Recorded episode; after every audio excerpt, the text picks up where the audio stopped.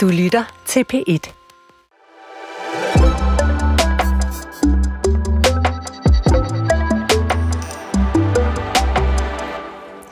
En gang var fremtiden sådan noget med flyvende biler, onde robotter og rummad på tube. Nu kan enmandsdroner være din næste taxa, en velfærdsrobot, din gamle farmors mest kærlige sosu, og faktisk kan man allerede i dag sætte tænderne i en ribeye-bøf, der aldrig nogensinde har siddet på en ko. Her på Fremtiden på P1 er vi nysgerrige på alt det nye, på alle de opfindelser, tanker og teknologier, der stikker næsen frem nu, og som vil præge vores verden og vores, hver- og, og vores hverdag i årene frem. I programserien har vi indtil videre været nysgerrige på emner som fremtidens rumrejse, hjerne, bakterier, forældre, skole, sex, stormagter og mange flere. Og i dag handler det om fremtidens scenekunst. Prøv at høre her, hvad den øh, kunstige intelligens bag ChatGPT får ud af det, når vi beder den om at skrive et scenarie, som fortæller os lidt om, hvordan fremtidens scenekunst kommer til at udspille sig. I år 2123 er scenekunsten blevet en virtuel og interaktiv oplevelse. Gennem avanceret teknologi kan publikum dykke ned i en livagtig digital verden, hvor de bliver en del af historien. Scenekunsten har udviklet sig til en kollektiv oplevelse, hvor publikums valg og interaktioner påvirker handlingen og udfaldet. Kunstnere integrerer kunstig intelligens og holografiske projektorer i deres forestilling, hvilket giver uendelige kreative muligheder. Scenekunsten fungerer som samfundets hjerte, der tilbyder en meningsfuld flugt fra den travle virkelighed og engagerer folk i fælles oplevelser. Den fremmer empati, tolerance og forståelse, da deltagerne kan leve igennem forskellige perspektiver. Scenekunsten har brudt fysiske grænser, da den nu kan nå og forene mennesker globalt. Publikum spiller en afgørende rolle, da deres valg former handlingen og reflekterer samfundets værdier. De er ikke længere passive tilskuere, men aktive deltagere, der medvirker til at skabe unikke og uforglemmelige kunstoplevelser. Christian Lollik, øh, det her scenario, gør det dig glad at tænke på? uh, i, altså, jeg synes, det var et afsindig godt bud øh, på, øh, på fremtiden. Jeg sad og tænkte, at øh, det her program var jo næsten overflødigt, at Peter og jeg skulle, skulle tale videre. Altså, så, så skarpt synes jeg jo egentlig, det var. Øh, man kan sige, det kan jo også, der er også et scenarie, som hedder, øh, hvad hedder det, øh, sådan en, at samfundskritikken bliver en endnu større del af, af hvad hedder det, det teatrale fremtidige udtryk. Øh, altså man kan sige, de her afbrændinger af koraner og så videre er jo også en form for, øh, for performance, der foregår i øjeblikket. Så jeg tror også, at der kan komme en mere aggressiv, øh, aggressiv øh, politisk øh, teater i, i sådan et fremtidsscenarie, hvis vi fortsætter den her, det, det her øh, landskab af øh, kriser, der overtager hinanden, som er vores virkelighed lige nu. Mm. Og det kommer vi til at tale meget mere om i øh, den næste lille time. Peter Lodal, er der noget af det her scenarie, du synes er fuldstændig fejlskud, altså ramt helt ved siden af? Nej, jeg synes også, det er ramt øh, rigtig fint. Mm. Og jeg sad og tænkte på Christian undervejs, fordi han har øh, foregrebet mange af de her tendenser, blandt andet det med, at publikum interagerer. Mm. At man faktisk øh, i virkeligheden skaber en udvidet version af det, som digitaliseringen kan, altså både gennem øh, virtual reality og augmented reality, mm. øh, med at inddrage øh, Øh, at man jo faktisk kan gøre det analogt. Og det er så der, hvor jeg måske ser øh, øh, den store fremtid for teatret, at vi faktisk kan endnu mere analogt, end vi kan digitalt. Wow. Måske, måske er det her fremtidsscenarie slet ikke øh, langt nok ude i fremtiden. Det har vi egentlig været ude for før i programmet, at, at man tænker, okay, det her det er ikke 100 år frem, det er måske lige om hjørnet i virkeligheden, eller ganske få år frem. Synes I det? Det, det tror jeg faktisk er rigtigt. Mm. Øh, jeg synes øh, på mange måder ikke, vi er så langt fra at have det her allerede. Altså det, der er mange dele, både med hologrammer og med, øh, med det her med at have øh, briller på, der sammensmelter øh, virkeligheder på, også på tværs af, af, af lande og fiktions øh, realiteter, øh, som har været på tegnebrættet på sort-hvid egentlig. Mm. Men det er stadig super dyrt, og teknologierne er stadig ikke særlig udviklet. Og nu siger du sort-hvid, og lad os lige øh, få præciseret, hvorfor du siger det, og, og hvem du, øh, du er, udover at hedde øh, Christian Lollicke. Øh, dramatiker, øh, instruktør, mange gange prisbelønnet. Jeg har opgivet at liste øh, alle sammen, men, men, men jeg kan da lige fremhæve, at du faktisk er den eneste, der nogensinde har skulle op på scenen hele tre gange på en aften og hente en, øh, en rømert pris.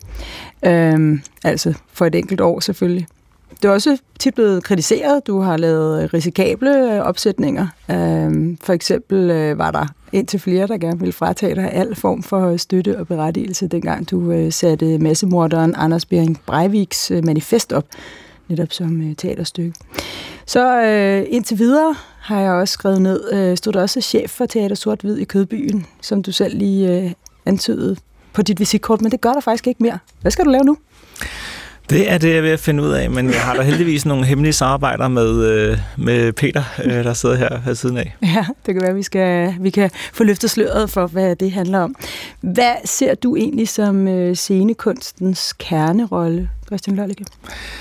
Øh, jamen, jeg synes jo, man får jo altid lyst til at sige det her med at være i et rum sammen og øh, have en eller anden form for fælles unik oplevelse, man ikke kan opleve andre steder, end når man er sammen. Men altså, der er også noget med øh, den måde, som øh, vi får talt historier på i øjeblikket, og den måde, vores virkelighed udvikler sig på, hvor jeg synes, det er ekstremt vigtigt, at, øh, at teatret fortsat er øh, stærkt øh, samfundsengagerende og kritisk i virkeligheden.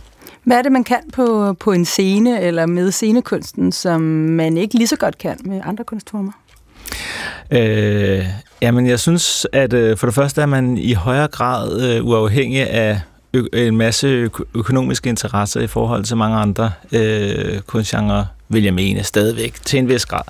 Øh, og så er der selvfølgelig det her med, at øh, man er øh, publikum sammen, øh, og at man sammen laver en, en, øh, en øh, fælles øh, virkelighed og fælles erfaring, som, som sker øh, nu. Øh, og så synes jeg som sagt, at det er vigtigt, at, øh, at, øh, at ture øh, bruge teateret som et øh, prisme, der analyserer vores, øh, vores kultur og vores samtid. Mm. Vi skal også putte velkommen til dig, øh, Peter Lodal, kunstnerisk leder af Copenhagen Phil, øh, tenor, altså operasanger med mange år i international karriere i øh, alverdens operahuse, de er også så rigelige, at jeg har opgivet at liste dem. Tidligere leder af Copenhagen Opera Festival og modtager af adskillige priser og udmærkelser. Og så øh, bare for at disclaime det, også min ven. Yes. Det mener jeg jo ikke behøver at stå i vejen for en samtale om fremtidens scenekunst, som vi jo altså skal have her den næste lille time. Hvor er opera egentlig på vej hen, hvis vi ser ud over den, øh, den store scene, altså den internationale scene?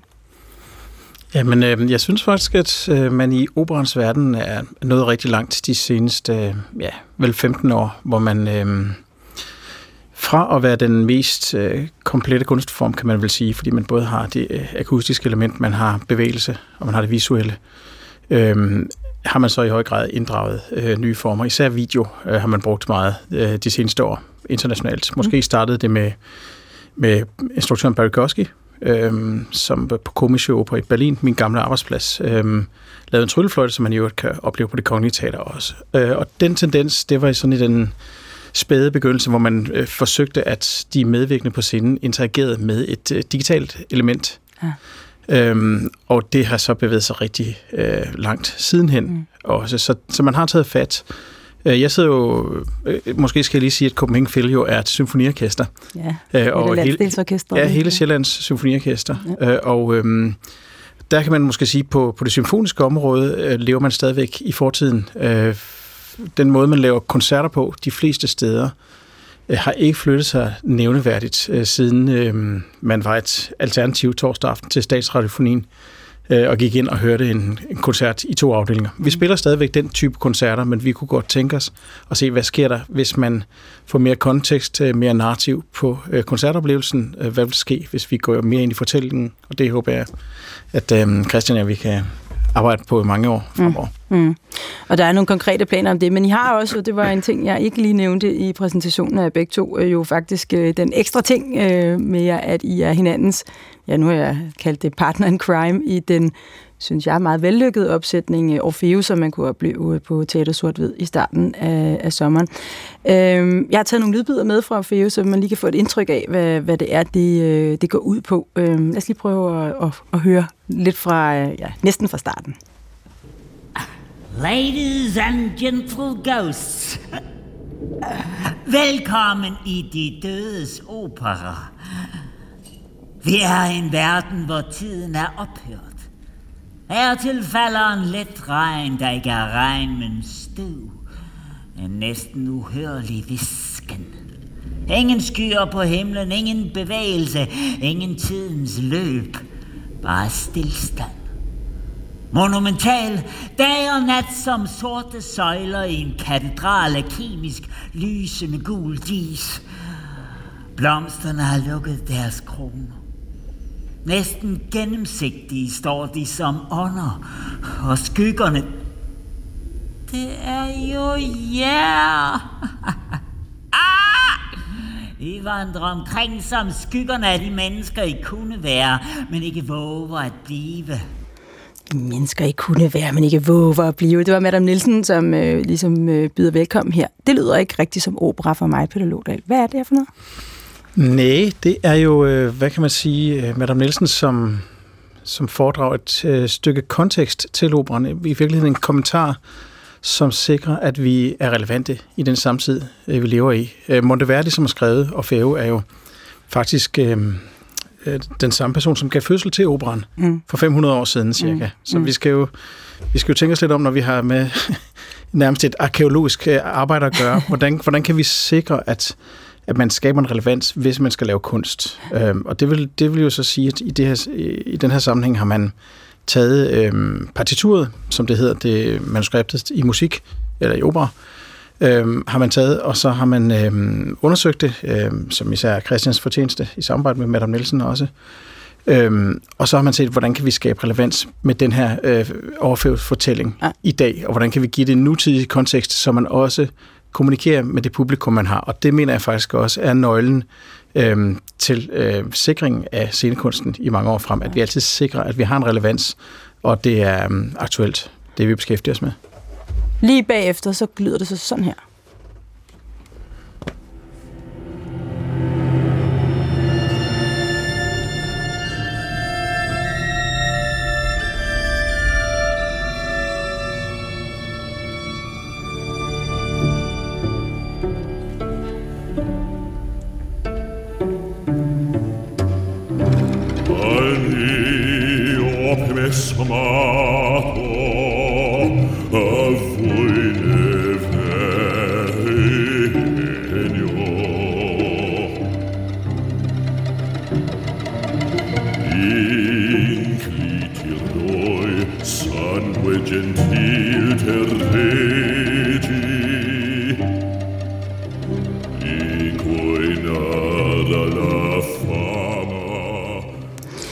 Så vi har, det, det lyder mere som opera, som man kender det. Og så er Madame Nielsen der også lige at fortælle lidt, at, øhm, at det greb, at det, altså når du siger at gøre det relevant, altså vil det sige, vi skal simpelthen vide, hvor er vi, og hvad sker der, og hvad, hvad, hvad er det, det, det går ud på? Ja, altså den måde, som en, øhm, en klassisk opera i forvejen, eller i den tidlige genre, klassisk opera i forvejen er bygget op på, så har man noget, der hedder recitativer, og så har man arier og ensembler. Øh, og recitativer er faktisk øh, en talt tekst, mm. som man så taler hen over et, et musikalsk øh, bagtæppe, kan man kalde det. Men det lyder mere syngende normalt, i hvert fald i mine Ja, nu er, det, nu er faktisk sangen her, den er faktisk Monteverdis øh, originale. Ja. Så, så det, det er skrevet dengang, og det man så hører baggrunden minder måske mere om en, øh, en futuristisk øh, Netflix-film, ja. eller DR-film. Ja. Øhm, og øh, det er så komponisten Rasmus Twicki, vi har haft ind over til at kigge på Monteverdis gamle partitur for at se, om man kan shine det op og, og bruges på en anden måde. Men vi har stadigvæk spillet det med et klassisk orkester, ja. så de lyde, man hører, øh, kan stadigvæk spilles af et klassisk Monteverdi-band. Og det er øh, jo så øh, musikere fra Copenhagen som, øh, som ja. sidder og spiller, og som, øh, som man hører der i baggrunden. Så altså, vi blander ikke bare genre her, vi blander sådan set også øh, øh, tid. Altså, det, der er noget af den originale musik, og så er der så lagt noget nyt ind over, og noget original sang, og, og, og noget talt tekst, som ikke var der fra start. Så der, der, der, er, der er pillet alvorligt ved, ved Orfeo her, Christian Lolke. Hvilken kunstart vil du sige, at det her tilhører? Ja, med en eller anden form for moderne øh, gesamkunstværk, hvor man har flere ting blandet sammen. Men jeg fik bare lyst til, at altså, jeg synes at det er så øh, vigtigt, at, at øh, Peter han har kastet sig ud i, i den her... Øh, den her quest, vil jeg næsten sige, for at, øh, for at nutidiggøre operaen. Øh, fordi jeg kan huske, da jeg begyndte at beskæftige mig med opera, der fik jeg altid at vide, at man ikke ligesom kunne pille ved musikken, og der var så mange ting, man ikke måtte røre ved, som man godt har måttet røre ved i teateret. Altså man må godt ændre og klippe og bytte rundt. Øh, hvad hedder det? Så jeg synes, at det her samarbejde, vi har haft med, med Peter og med Rasmus Twiggy om at finde ud af, hvordan kunne vi, øh, hvordan kunne vi genskabe øh, Monteverdis musik, og så stadig være lojal over for originalen, men men få det til at lyde nutidigt. Mm. Hvad, hvad ser du af, af altså sådan noget som opera og, og også symfonisk musik kan mm, berige de andre scenegenre med? Altså, hvad, hvad det, de kan derovre, som, som tilfører noget? Øh, hvad hedder det? Jamen, man må jo sige, at, at altså, jeg, jeg synes jo, det er vildt at, med det her værk, for eksempel med Monteverdi-værket, at man kan komme i kontakt med nogle følelser, som musikken kan vække i ens øh, krop, som man ikke, man forstår nærmest ikke, hvad der, der sker. Altså den type, øh, den type øh, interaktion med ens øh, krop og sind, synes jeg er fascinerende. Det er jo også det, man kan sige, at anden musik kan, men det synes jeg i, i den grad, at, øh, at opera kan. Det har en eller anden form for storhed, bliver hurtigt sådan en, øh, en kliché, men, øh, men det har en storhed, og jeg elsker jo at være tæt på, på operasanger og fornemme, hvilket øh, instrument det er, samtidig med, at der bliver produceret de her, de her følelser. Ja, og så, og så apropos det instrument, så øh, den sanger, vi lige hørt her, har jo et øh, meget markant et af slagsen på lige at fortælle, hvad, hvad, hvem det er, og, og hvad det er, øh, vi, vi oplever, når han synger. Ja, det må man sige. Det er sangeren Steffen Brun, en af vores øh, rigtig fine unge danske sangere, som synger den stemme, man kalder bas. Mm. Så det vil sige, det er den dybeste, øh, øh, dybeste register af den menneskelige stemme, mm. øh, kalder man det, øh, når man noterer i, øh, i operaform, mm. og mm. i øvrigt for stemmer. Ja. Øhm, så, så han... Øhm, vi, vi har brugt øh, forlægget fra Monteverdi, øh, og så har vi haft forskellige stemmetyper mm.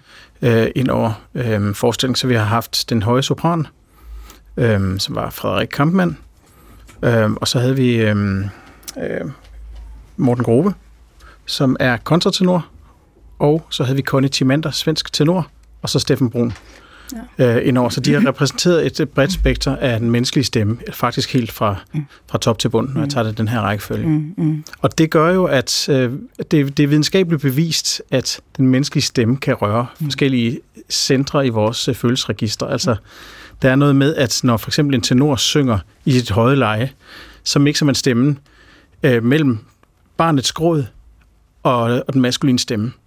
Og det er der mange, der bliver forvirret over, når man hører det på én gang. Og det kan simpelthen gå ind og ramme direkte, så folk øh, kan begynde at græde, eller begynde at grine, eller få anfald, som man ikke kan styre, ja. øh, når man sidder i publikum. Som er den der underlige direkte tråd ind i følelsesregistret, som, øh, som Lotte kan tale om her. Vi skal tale lidt mere om, hvad, hvad, hvad det er, øh, I, I gør i den her øh, opsætning lidt senere. Men, men lad os lige prøve at kigge på, hvor scenekunsten er i dag i sådan lidt mere generelle øh, termer. Christian Lolke, hvor hvis du kigger ud over et mere internationalt landskab, hvor befinder scenekunsten i Danmark sig så egentlig i, i forhold til, hvad der foregår ude, ude omkring øh, i de store teaterbyer? Øh, det er et godt spørgsmål. Øh, jeg tror egentlig på mange måder, at vi æstetisk er okay godt med. Det har jo altid været i hele, altså de sidste 25-30 år har det jo altid været øh, Tyskland, der har været øh, førende, hvor, som har øh, en endnu større økonomi og tillægger teater en endnu større værdi også. Øh, altså, du kan jo ikke møde... Øh, altså, tyskere kender jo deres øh, klassiske musik og deres dramatik og deres øh, dramatikere og lærer det fra skolen og ser teateret og øh, operan også som noget, øh, der der, der har en vigtig funktion, og det kan man sige, hvis jeg skulle pege på en, en forskel, så er det måske den, som vi i Danmark har en mere udflydende forestilling om, hvorfor det er, det vigtigt for os, ja. det her. Men er der noget, vi er særlig dygtige til? Er der nogle af scene, øh, de klassiske scenekunstarter, vi er særlig dygtige til? Eller er vi særlig dygtige til at tænke moderne og blande det hele? Eller er der et eller andet, du vil fremhæve? Det synes jeg faktisk er svært. Ja. Øh, det ved jeg ikke, om, ja. om jeg er den rette til at have et optimistisk bud på. Man kan sige, at traditionelt er jo komedie og satire, der hvor, øh, der hvor, som er på en eller anden måde vores øh, anker i, i Holberg, vores evne til at gøre grin ja. med, med ting, som er... Jeg er meget glad for satire her til lands. Yes. af forskellige art, ja. Øhm, jeg vil gerne tale lidt mere om Orfeo, som sagt, fordi jeg synes, den eksemplificerer nogle af de der lidt øh, moderne greb. Og der er, et, øh, der er også et greb, som øh, kom lidt bag på mig, og også lidt bag på dig, Peter Lodal, sjovt nok. lad os lige prøve at høre, hvad, hvad, der, hvad der sker. jeg skal, kan lige forklare, at man starter med i den her opsætning at gå rundt i dødsriget, og der sker ikke så, så meget andet, end der er mange rum, man går rundt i som publikum. Og måske skal man lige sige, at publikum faktisk har masker på. Man ja. går rundt med masker over hovedet, for i dødsriget må man ikke vise hud. Øhm, og så øh, kommer man faktisk ind i et scenerum, øhm, og der øh, tænker man, nu kan vi sætte os ned og høre en opera, men Sådan er det ikke helt. Det, så skal man nemlig selv i gang, og det lyder sådan her.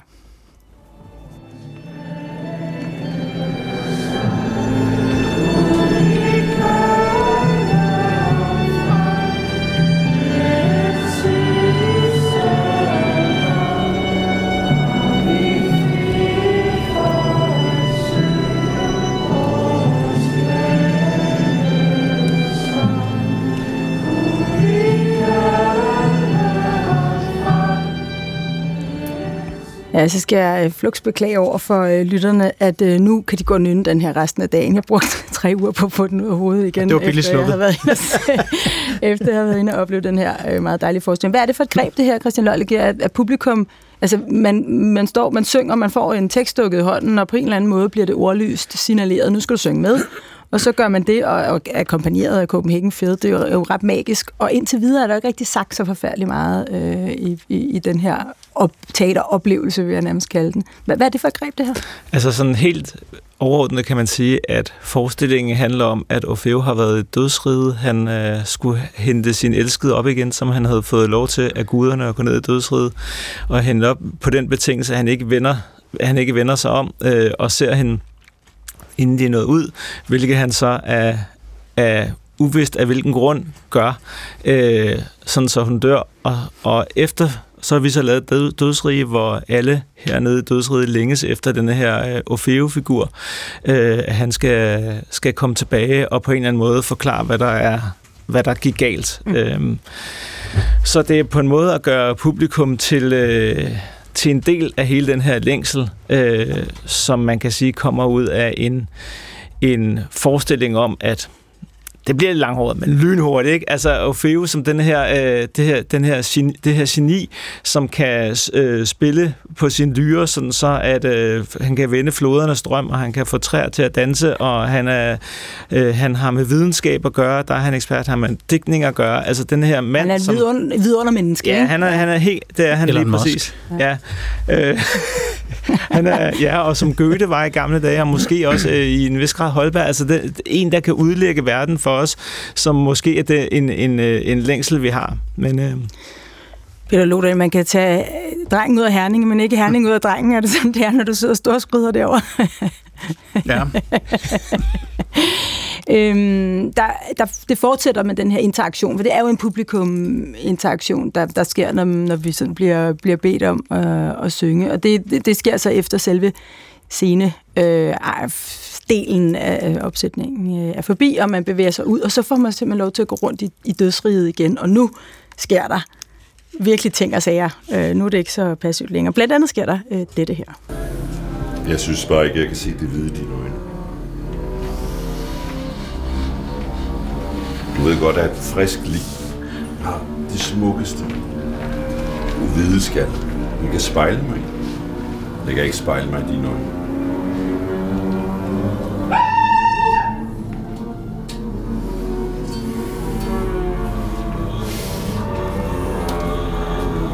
Og derinde, nej, der må der være en motor. Den skal være slukket. Så vi det der. Ja, du er altså før, før nævnte øh, bas-sanger, som øh, nu har indtaget rollen som sådan en øh, lige balsameringstype, tror jeg, ikke? Og han har fået et publikum til at lægge sig op på et øh, stålbord, og nu står han og sniffer til ham eller hende, og øh, kommenterer, og øh, ved flere lejligheder, forstår jeg, og også da jeg var derinde, så, så fik han publikum, eller det publikum, der læser det op til at tage alt tøjet af. Så de, der lå lige pludselig noget nøgen publikum op på stålbordet. Og, og, og det må man sige er meget, så, meget, meget interaktivt. Er det, øh, Peter Lodal, øh, er, er det et eksempel på moderne scenekunst, det her? ja, det er jo i hvert fald, må man sige, inddragelse af publikum. Øhm, Det må man sige. øh, og øh, i højeste potens, kan man vel kalde det. øhm, nej, det var nu faktisk det var jo ikke sådan, men No pun intended. nej, det var det faktisk ikke. øh, men, øh, nej, men også lige for at vende tilbage til, til hymnen før, øh, så er, hvad kan man sige, hvis man går bagom og så kigger i maskinrummet, så er det jo også et dramaturgisk trick til, at vi indtræder i en fælles vibration. Ja. Fordi når vi synger sammen, så hører vi sammen, som mm. der er nogen, der er klogere end mig, der har sagt. Øh, men i det øjeblik, vi vibrerer sammen, så er vi fælles om en oplevelse. Mm. Og det eksalterer os som publikum. Mm. Der kan man sige, uanset hvor langt man er noget med VR og AR, jamen så er det jo faktisk analog, at vi lykkes med det her. Så på den måde kan man sige, at så er teateret jo faktisk i det her tilfælde first mover på at få publikum til at interagere ja. og være sammen og indtræde ikke bare på, hvad skal man sige, på afstand med en scene, som man har op foran sig, hvor man kan se det hele, og det kan være nok så flot. Men her er publikum med. Der er noget, øhm, der er noget på spil, man risikerer som publikum ved at gå ind i rummet, ja. fordi man bliver konfronteret direkte. Og det er stærkt.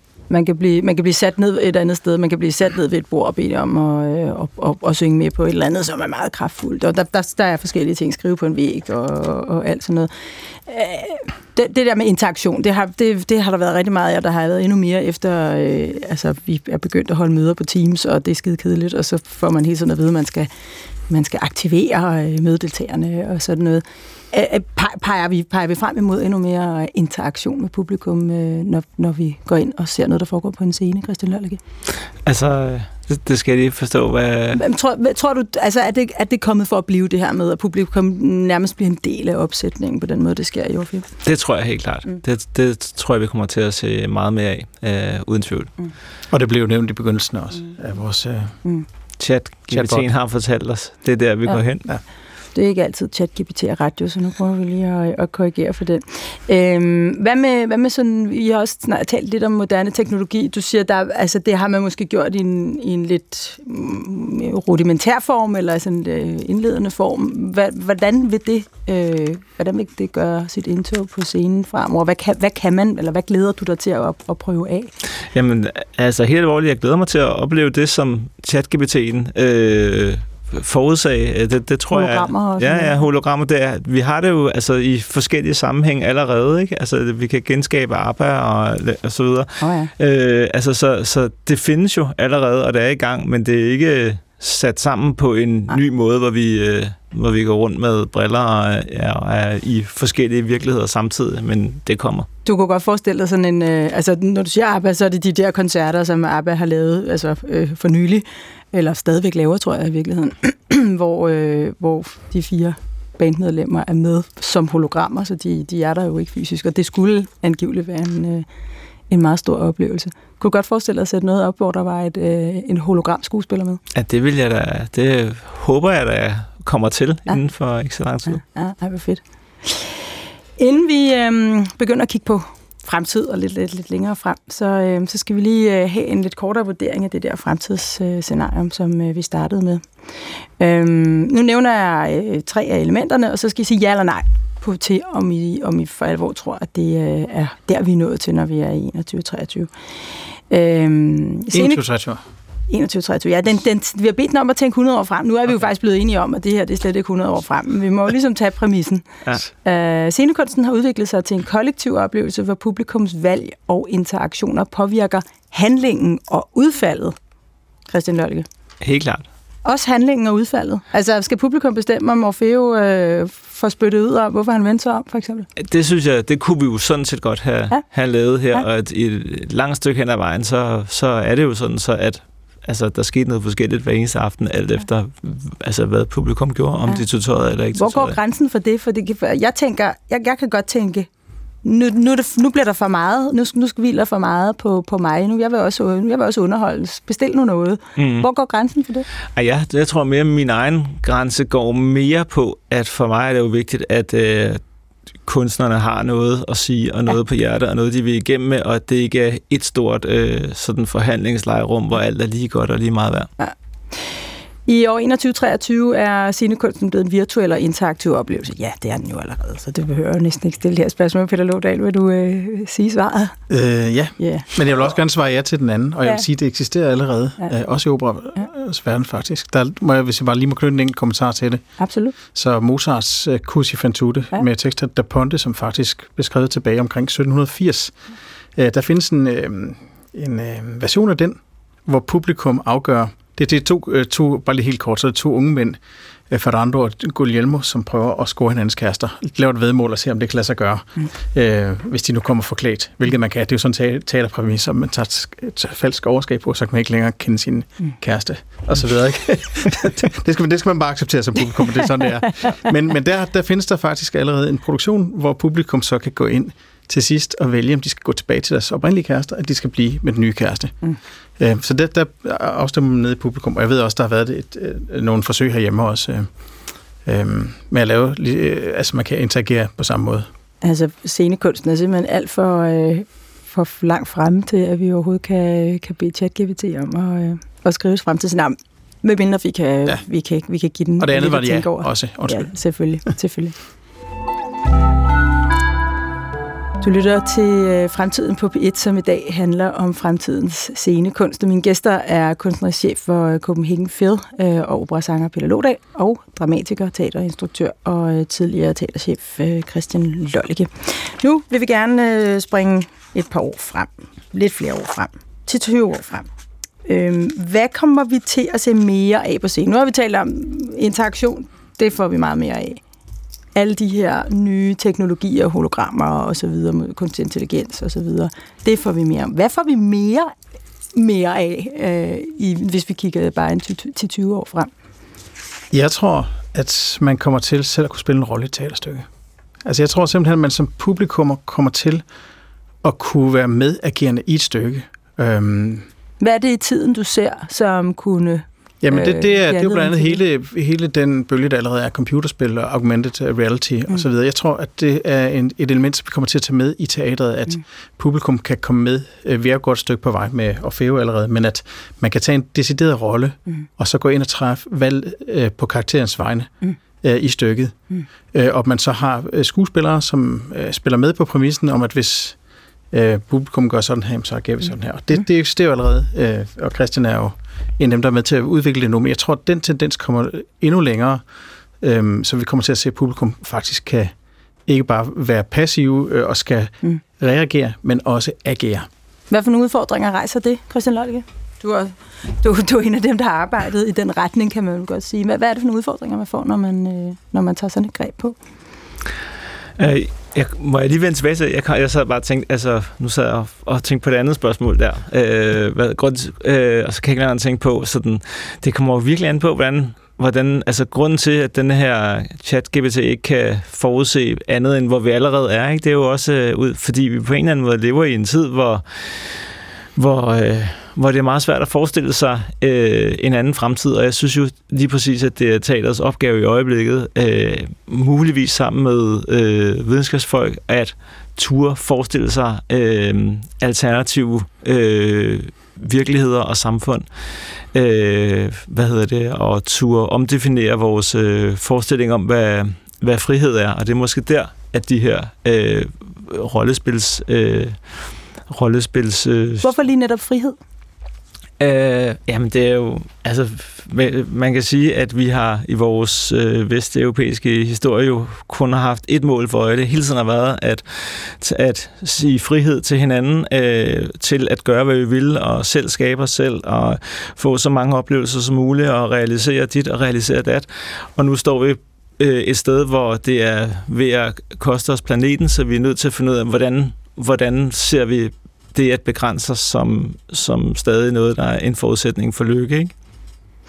Og hvordan, fordi det, det er jo, nu, nu er du jo helt inde og røre ved, som jeg hører det i hvert fald kernen i, hvad, hvad kunsten skal i det hele taget, ikke? Og, og, og fortælle den historie, og måske også øh, skubbe lidt til den, og skubbe til vores øh, opfattelse af den. Men, men hvad er det for et, et format, du kan se det få i, i en scenesammenhæng, hvis du kigger længere frem? Vi har talt lidt om de der mere hårde rammer for det, teknologien og publikum og så videre. Hvad, hvor, hvor, hvad kan du ellers se, at det kan, hvordan man kan, kan man give det her udtryk? Øh, jeg kan ikke glemme at fortælle, at jeg på et tidspunkt i en brændert sammen med, øh, hvad hedder det, øh, sammen med øh, ejeren af Kram Slot, øh, Svend Brudersen og jazzmusikeren øh, Mikkel Hess, der sad vi meget sent om natten, og så øh, han var så træt, Svend Brodersen var så træt af, af politik. Han har det her kæmpe økologiske øh, landbrug. Øh, hvad hedder det? Øh, og, øh, og vi sad og snakkede om, hvordan kunne man overhovedet forestille sig, at vi kunne lave en anden type, type samfund. Og der snakkede om, hvad hvis vi kunne få små kommuner øh, til at samarbejde, og så faktisk øh, genindføre for eksempel kommunisme i et øh, års tid. Altså jeg tror, altså et, et kæmpe rollespil øh, af nødvendige, øh, altså deciderede afprøvninger af nye samfundsmodeller. Der tror jeg, at teaterfolk, videnskabsfolk og, og samfundsfilosofi øh, har en, øh, en fremtid. Og så synes jeg, øh, og så synes jeg, at øh, Peter har fat i noget øh, ekstremt væsentligt, når han taler om de her frekvenser inde i vores øh, sind og vores krop, som øh, musik øh, kan, kan, kan skabe. Altså det er ligesom om, at vi er enormt øh, rationelle, øh, og spørgsmålet er, om vi kan udnytte den type øh, videnskab og, og måder at komme i samklang med hinanden på. Det lyder meget latterligt, det ord, synes jeg, men, men, men i virkeligheden altså komme øh, hen, hvor vi, øh, hvor vi øh, bevidsthedsmæssigt kommunikerer på andre kanaler sammen, og spørgsmålet er om musik og den type frekvenser, som Peter talte om tidligere, er en nøgle der. Altså som en modstilling til den såkaldte filterboble, altså at vi alle sammen får vores lille bitte individualiserede udgave af, af virkeligheden, fordi det, altså alle algoritmer er indstillet på at tjene netop os, og så bliver vi en masse individer, der ikke rigtig er forbundne ja, kunne kritikken være. Så, så, så musikken som et, et modstykke til den tendens. Kan du se det for dig, Peter Luda? Ja, altså musikken skaber her. jo faktisk, nu øh, nævner du ja. selv øh, det at være forbundet, så jeg, jeg vil gerne øh, i hvert fald lige øhm, indføre ordet forbundethed ja. i den sammenhæng. Ja. Så jeg tror virkelig, det er det, hvis vi nu går også på det ideologiske plan, som vi lidt ja. berørte før, ja. øh, om friheden, øh, kan man jo sige, at øh, nu skal det ikke handle om politik, men øh, man kan se jo mange steder, at øh, i hvert fald liberalismen har fået så frikår, at det kun handler om frihed, og ikke længere om at tage det ansvar med, som, som jo traditionelt set har været forbundet med, jeg tror er Danmarks Liberale Parti, eller Venstre hedder de, mm. hedder de hvad hedder det, havde et slogan engang med frihed og ansvar. Mm. I hvert fald liberale partier, der mm. har dyrket den tanke, hvor man måske mærker, at ansvaret rører ud. Hvad nu hvis teateret netop i fremtiden kan konfrontere os med øh, vores øh, bevidsthed om ansvar? Altså det at tage os selv, kigge på os selv, reflektere som mennesker, Øh, det er det, som teater gerne skal kunne i forvejen, hvis man skal nævne en slags raison d'etre. Vi skal gerne gå ud øh, eksalteret af en, eller opløftet af en, øh, en fællesskabsfølelse, men også gå ud med et højnet refleksionsniveau. Ja. Det tror jeg godt, at man kan gå endnu længere med. Og hvis man skal kigge på den kunstige, kunstige intelligens i den sammenhæng, jamen så det, den kunstige intelligens kan gøre, kan jo forudse alt, hvad der er lineært, programmerbart, alt, hvad der er en direkte linje mellem A og B, som kan forudsiges. Og jeg tror, den store joker i det her ligger i, at mennesket er uforudsigeligt. Ja. Og vi laver fejl. Mennesket kan elske og Ja, at vi, at vi netop er skrøbelige, og fordi vi laver fejl. Og jeg tror, det kæmpe store potentiale ligger i, at vi er menneskelige. Mm. Lad os også lige, øh, lad os også lige tale om en, en, en helt konkret øh, fremtidig øh, opsætning, vil jeg kalde det, som I skal lave sammen. Vil I fortælle lidt om det? Ja, altså måske skal jeg lige åbne, fordi vi har lavet hos øh, Copenhagen Phil, som jo jeg skal lige sige det, hvis der kommer nye lyttere til, et symfoniorkester, som øh, fungerer på hele Sjælland øh, som landsdelsorkester, øh, har vi de seneste fire år haft en programserie, der hedder Afgørende Øjeblikke, øh, hvor vi lavede, seks koncer- vi lavede fem koncertformater øh, indtil videre, og laver det sjette nu, hvor vi faktisk kobler en dramaturgi på et klassisk musikværk, som ellers ikke nødvendigvis har haft en dramaturgi. Og det vil sige, at vi påfører et eksisterende stykke, et narrativ, hvor vi så i virkeligheden har frie hænder til selv at lege med det, øh, og så har vi et visuelt aspekt også. Og der kommer Christian til os og, og, og har fået en vanvittig god idé, øh, som vi gerne vil forfølge, og den synes jeg næsten... Måske skal du selv fortælle lidt om den, Christian. Nu har jeg bare kort pisset formatet. Ja. Øh, jamen, man kan sige, at jeg... Øh, altså, i virkeligheden synes jeg nærmest, at ideen blev spillet mig i hænderne, fordi at en øh, oversætterforening øh, havde øh, hvad hedder det, været i dialog med øh, en række ukrainske øh, oversættere, og de talte med folk og skrev så små stykker om, øh, hvad der skete i mennesker, da, da krigen øh, brød ud i, øh, i Ukraine, da Rusland angreb. Øh, så, så jeg har sådan noget vidnesbyrd materiale skrevet af de her øh, oversættere, øh, og det har vi så det er vi så ved at klippe ind i den klassiske musik. Wow. wow. Og det er Goreskis uh, Symphony of Sorrowful Songs, som vi så spiller, uh, som orkester spiller, ja. Øh, med er, teksterne. Og er det en ny uh, scenekunstform, det her, Peter Ludag? Mm, ja og nej, øh, fordi at det er forsøgt før at lave en, øh, et, at koble narrativ til øh, den klassiske musik. Det man skal forstå er meget, den musik, som vi spiller, er jo 250 år gammel, øh, 300 år gammel, Monteverdi 500 år gammel. Øhm, og hvis man ser bort fra opererne, er der mange af de her øh, klassiske musikstykker, som er blevet skrevet til grever og baroner og til herregårde og slotte, s- som en slags underholdning, som mm. ikke har haft nogen øh, dramaturgisk kontekst eller stort narrativ. Og det vi så øh, tillader os at gøre, det er at, at pille de her, den her fantastisk skrevne musik, som vi i forvejen mærker, berører os ud, og så siger, kunne man forestille sig, at der var en kontekst, når vi mærker den her musik, når vi er i vibration med os selv og omgivelsene, er der så en tekst, der kan gå ind og forstærke det her, mm. øh, så vi i virkeligheden laver en helaftens forestilling ud af et symfonisk værk, mm. ved at påføre nogle ekstra elementer, som ikke skal være forstyrrende, men som skal underbygge den stemning, vi i forvejen er i, mm. eller vi kunne komme i. Så noget med at få formidlet nogle stemninger, og, og måske også i virkeligheden øh, nogle, nogle budskaber, kunne jeg forestille mig, nu du er involveret, Christian Lollicke, men, men, men, men understøttet af et narrativ, eller sådan stiliseret af, af et narrativ på en eller anden måde. Ja, man kan sige, altså det, jeg synes, der var så, øh, der ramte mig så hårdt med de her vidnesbyrd, det er ligesom, at man hører om krigen hver dag, og jeg læser om det hver dag, og nu er der droner, og de er fra Iran, og hvad hedder det, øh, men ligesom at forstå sådan, hvordan helt almindelige mennesker og, øh, hvad hedder det, oplever det her med den her overgang fra at have en helt normal hverdag, og så til pludselig at stå i en, øh, i en krigssituation. Det er så, så skræmmende, så på en eller anden måde, selvom det føles så super banalt, så for mig sat det, sætter det krigen i et nyt lys. Ja, en skildring af, af krigen, eller måske en skildring til alternativet til, øh, til det der lille smørhul, vi ja, og- øh, sumper rundt i her. Ja. Og så er der den der sådan element af, af bizarre form for galgenhumor, som man på en måde godt forstår, de kan have, men når man skal omtale krigen og så videre, så, så tør man jo nærmest ikke bruge humor. Det bruger de her Hvordan gør de det her? Der, kan du huske et eksempel? Ja, ja. Jamen, øh, for eksempel, der er en, der, der fortæller om, at nu står han og tager bad, mens bomberne falder. Så siger han, øh, tænk, hvis jeg skal, hvis jeg skal øh, dø her med sådan bare øh, sæbe indsmurt røv, og det er det, man finder, ikke? Altså, og man forstår jo godt, tank, at han har tanken, men det... Det, det kommer til at, øh, at finde sted øh, i løbet af hvornår? Næste, Ja, det her det er, det er et aktuelt format, vi kommer til at lave øh, Ja. i efteråret. Jeg mener, vi har premieren lørdag den 24. oktober Mm, kl. mm, 16, mm. til at huske ret. Yes. Der er vi stadigvæk inde i et, en eller anden form for teater, eller en eller anden form for øh, forestillingsrum.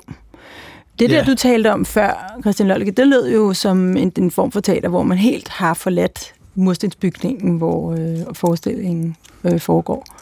Øh, kan du se det for dig også, så når vi nu taler fremtidens scenekunst? Altså det med... Øh, Det med det store rollespil. Det altså, store der er vi jo, der er vi jo gået helt kommuner. ud af, ja, ja, men Ja. der er vi jo gået helt ud af at, at, at møde op klokken 8 og sætte os ned og vide, hvornår vi skal rejse, og så klapper det der. Ikke? Der, er vi, der er vi helt forladt øh, den form, den fysiske form. Jo, helt klart. Ja. Øh, hvad hedder det? Der har vi trådt ind i et... Øh, hvis man er lidt paranoid, kan man, jo kan man jo nærmest få fornemmelsen, men nu skal jeg passe på, at det ikke stikker af for mig, ikke? man kan jo få fornemmelsen af, at vi lever i det allerede, hvor vi allerede nu bliver hele tiden styret af, hvor skal vi gå hen, og... Øh, Hvornår, de- hvornår føler du det? Jamen, at øh, altså, vi er jo i en konstant overvåget, og øh, mm. hvad hedder det, for konstant at vide, øh, hvad vi skal købe, og hvad der er interessant nu, og hvad alle andre gør, øh, og vi bliver nødt til hele tiden at gøre det samme. Ikke? Ja. Altså, det er jo kæmpe blå for tro, vi er frie i hvert fald. Det må man sige. Ja. ja. I, I tror lidt på den der store matrix, eller? Vi tror jeg kan på, melde til lytterne, at der er to øh, utilfredst udseende herrer.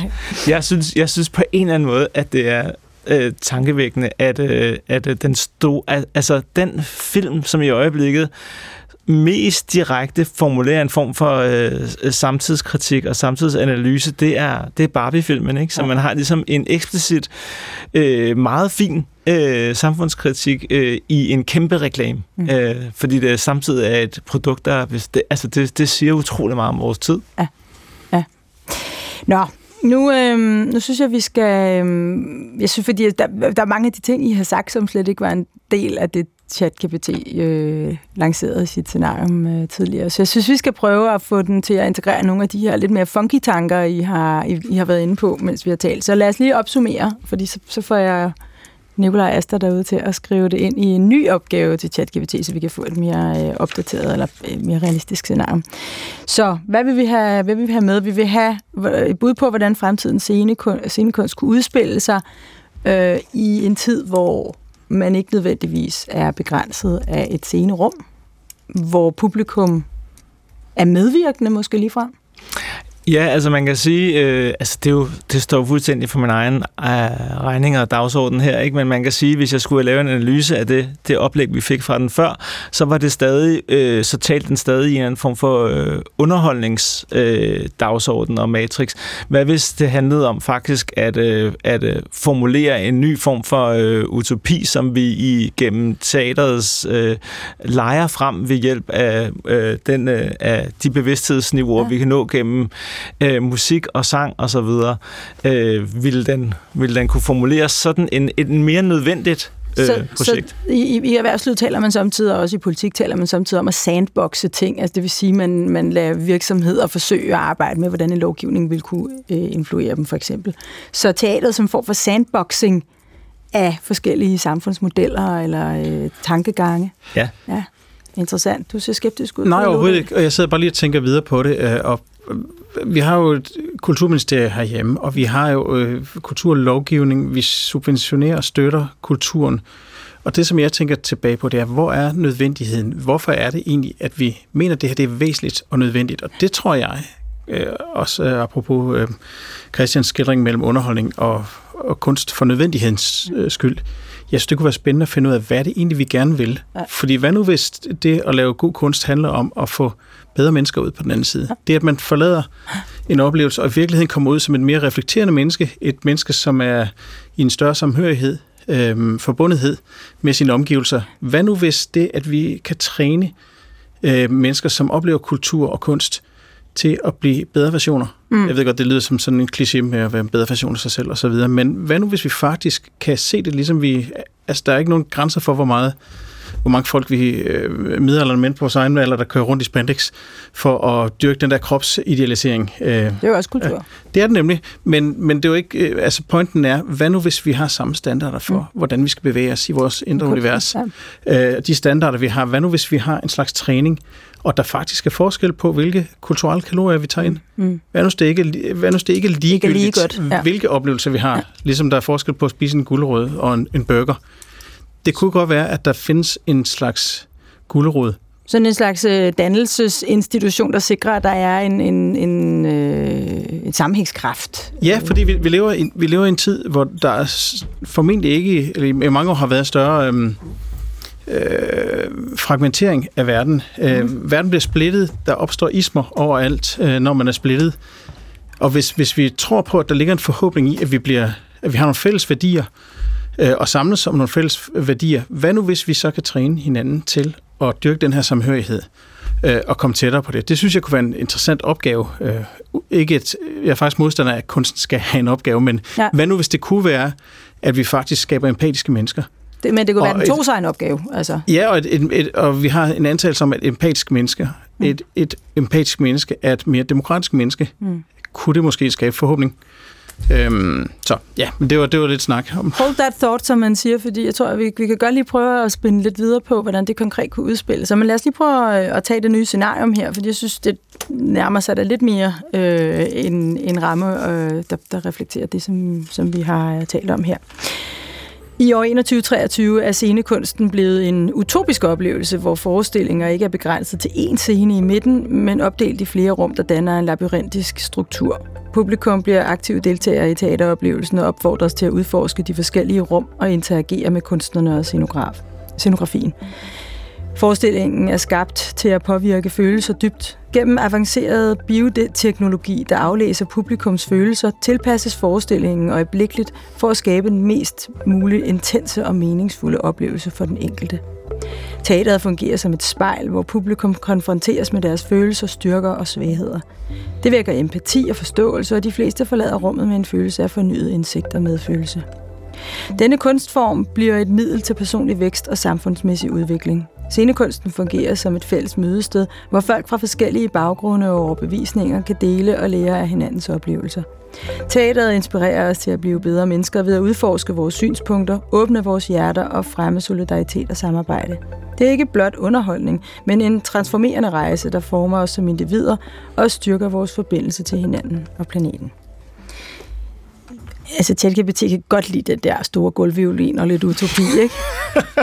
altså, det ramte meget, både til at følge med bioteknologien, så ramte det jo nærmest uh, det, som Christian lavede forvejen. Ja, i virkeligheden.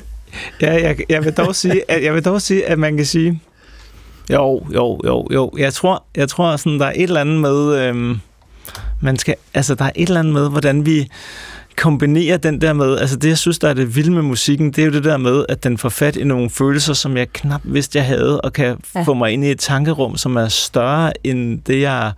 Jeg ved ikke, hvad jeg skal kunne nå det ellers. Og sam, så det har jeg ligesom på den ene side, øh, og samtidig har jeg noget, der hedder sådan, øh, hvordan lærer vi at tænke akut kritisk om den samtid, vi er en del af, og hvordan kommer vi hen et sted, hvor vi faktisk er, bliver i stand til at være utopiske igen. Og der ved jeg ikke, om der var lidt for meget godheds... Øh, ja øh, violinhalløj, som du sagde i den der, men, øh, men ellers ja. Ja. Øhm, hvad, hvad, hvad tror I, øh, altså hvis nu vi, lad os prøve at iscenesætte det her. Altså nu, nu, nu, nu skal vi lave en opsætning. Nu er det 21-23. Nu skal vi iscenesætte det her. Jeg, jeg, skal, jeg skal i teateret. Jeg ved ikke rigtig, om jeg skal det i aften, fordi det er meget muligt, at I vil frigive jer fra det her om aftenen. Men jeg, jeg vil i hvert fald have en teateroplevelse. Hvad sker der så? Ja, men så tror jeg, at du indtræder i sådan en form for øh, følelsernes genopdragelseslejr, som på en gang er et utroligt øh, skræmmende sted, og sam, hvor du på en eller anden måde øh, bliver konfronteret med dit, øh, dit forbrug og, øh, og sådan øh, din, din øh, konstante øh, spejlen dig selv i alle mulige medier, hvor meget, det, hvor meget det i virkeligheden fylder i dit liv, mm. øh, og samtidig så kommer du ind i nogle andre rum, hvor, øh, hvor du pludselig oplever en form for følelsesmæssig øh, forbindelse til nogle øh, stemninger, øh, som du ikke troede var i dig, og det mm. sker via musik. Mm.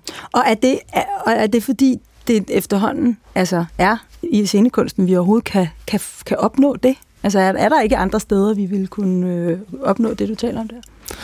Øh, det tror jeg, det vil jeg da helt klart sige, at der er. Øh, det er sjovt, vi havde på, på sort-hvid samarbejde med billedkunstnere, og man kan sige, det som Altså, jeg kan skide godt lide at gå på udstillinger og museer, men faktisk kan jeg godt lide teatrets øh, insisteren på, at man er holdt fast, og at nogen har bestemt, hvor længe jeg skal kigge på noget udspille sig. Mm. Hvor den her, og det, det, det tror jeg er vigtigt, for jeg tror, mm. vi har behov for at blive presset, for vi er så indspundet i vores egen øh, idé om, at vi selv kan vælge, og vi er enormt frie. Hvad, er det for, hvad skal jeg ind og se, Pelle Lodal, når jeg skal i teateret der i 21-23? Er det, er det stadig en... Øh kan det stadig være en opera fra 1500-tallet, eller er det... Hvad, hvad skal det, jeg se? Det kan det i høj grad. Ja. Altså, jeg tror også på, på ideen om, at man kuraterer for publikum, mm. øh, og det, det kan godt lyde lidt... Øh, ophøjet, hvis man siger, at der findes en bedre, en bedre øh, Der, der har været en stor øh, diskussion øh, i mange år om, om, om der findes god og dårlig kunst osv. Rentalismen og alle de her ting. Ja, Men gør der det? Ja, det tror jeg faktisk. Jeg tror, der er noget, ligesom der, det er sundere at spise en gulerod en burger, hvis du, er mm. sports, hvis du er en atlet, så tror jeg, der findes god kunst mm. og, og mindre god kunst. Og jeg ja. tror især også, at der findes en skildring mellem øh, god kunst og underholdning. Og mm. vi lever måske i virkeligheden i høj grad ud fra en præmis om den der liberale tanke om, at vi hele tiden kan vælge bedst for os selv. Hvad nu, hvis der er nogen, der er bedre til at træffe valget? Mm. mm. Øhm, så så det, det tror jeg, man kommer til at se mere af den øh, kuratering, som også vil have en højere fokus på det øh, hybrid af videnskab og kunst, hvor vi kommer til at fokusere på, hvad er egentlig godt for dit sind? Christian Lønne, du markeret? Eller, nej, det...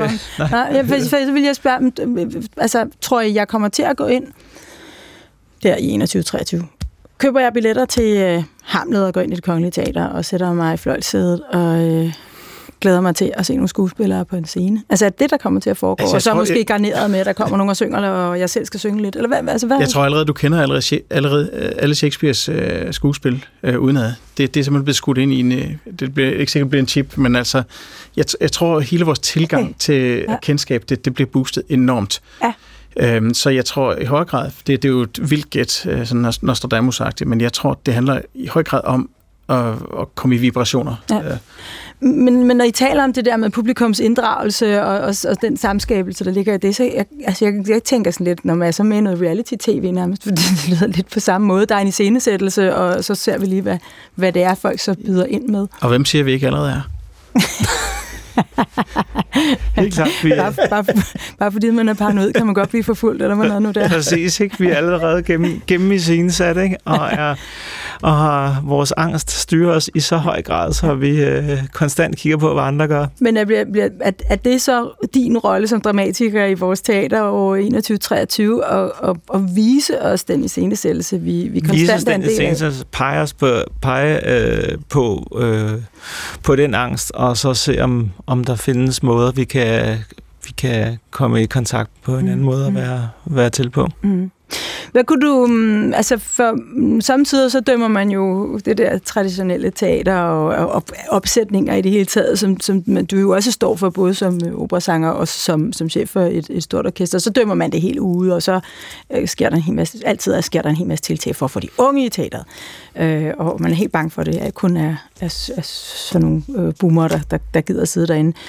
Øhm, hvad, kunne, hvad kunne du drømme om for at, at, at sikre, at scenekunsten bevarer en, øh, en, en væsentlig plads i, i samfundsudviklingen og, og samfundsskildringen, Christian Lølleke?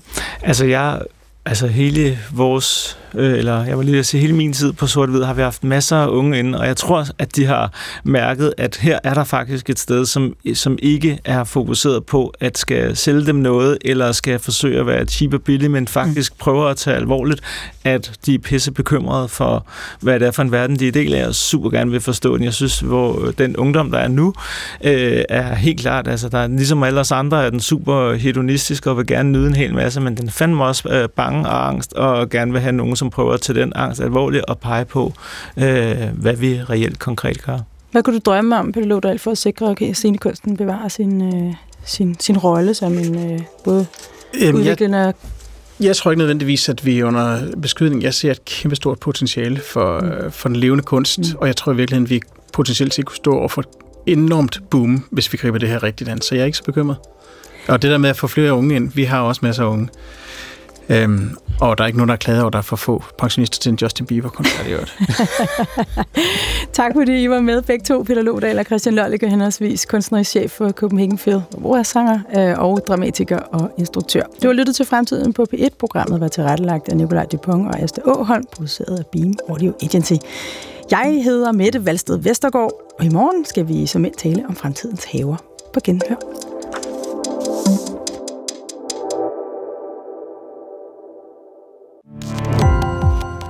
Gå på opdagelse i alle DR's podcast og radioprogrammer. I appen DR Lyd.